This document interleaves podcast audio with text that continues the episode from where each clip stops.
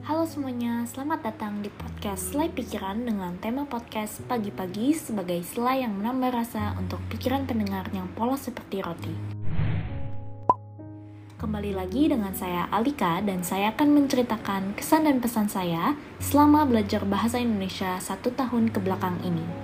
Sungguh tidak terasa bahwa pelajaran bahasa Indonesia kelas 11 telah berjalan selama satu tahun Perjalanan bahasa Indonesia kelas 11 kini akan berakhir. Pertama-tama, saya ingin mengucapkan terima kasih yang sebesar-besarnya kepada Mr. Almendo Tiolindra selaku guru bahasa Indonesia serta semua teman-teman seperjuangan saya. Perjuangan sampai pada detik ini memanglah bukan suatu hal yang mudah. Kami harus belajar untuk membagi waktu agar dapat menyelesaikan setiap tugas yang telah diberikan kami harus belajar setiap topik baru dan mengerjakan tugas sesuai dengan topiknya.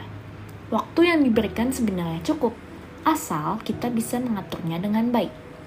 Waktu awal mula pembelajaran, saya cukup khawatir karena ini merupakan tahun pertama diajar dengan seral.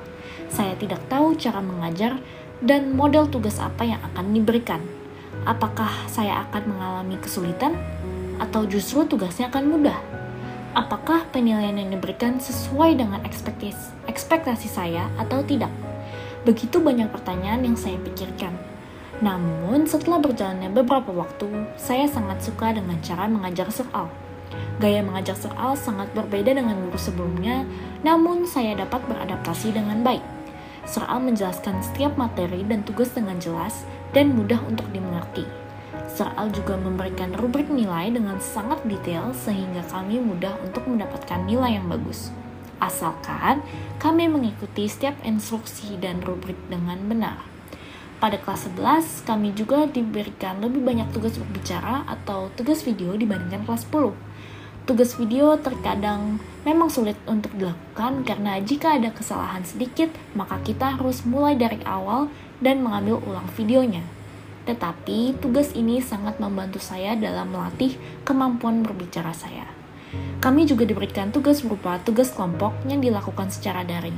Saya senang karena walaupun dilakukan secara daring, teman-teman saya tetap aktif dalam mengerjakan tugas.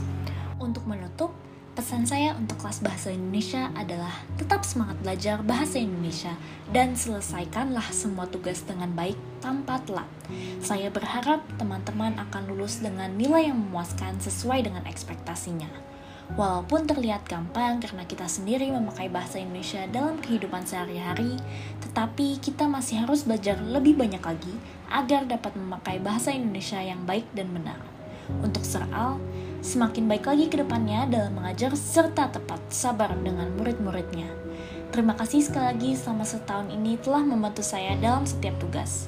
Apabila ada perkataan atau perlakuan saya yang kurang menyenangkan, saya ingin meminta maaf dan tolong dimaafkan.